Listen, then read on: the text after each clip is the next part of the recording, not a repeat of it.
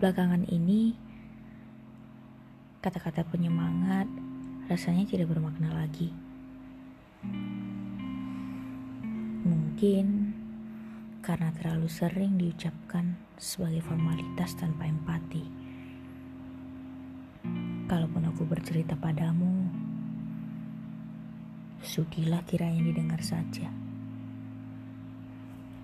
Rasanya itu sudah lebih dari cukup ketimbang kau timpali dengan template penyemangatmu. Kecuali kau memang sudah muak mendengar ceritaku. tak apa, besok-besok aku bisa berleluasa bercerita pada jiwaku sendiri. Belakangan ini, kepedihan menjadi sesuatu yang aku nikmati.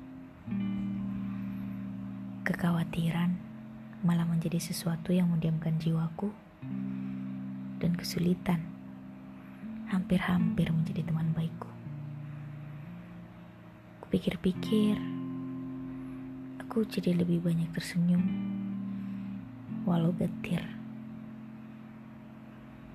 Senyum tidak terlalu lebar juga bagian dari senyum bukan? Kata orang, aku beruntung menjadi seperti sekarang. Tapi kata orang lainnya, aku ini pecundang. Ya, memang. Tergantung sudut pandang. Tapi kan, mereka bukan pemerannya.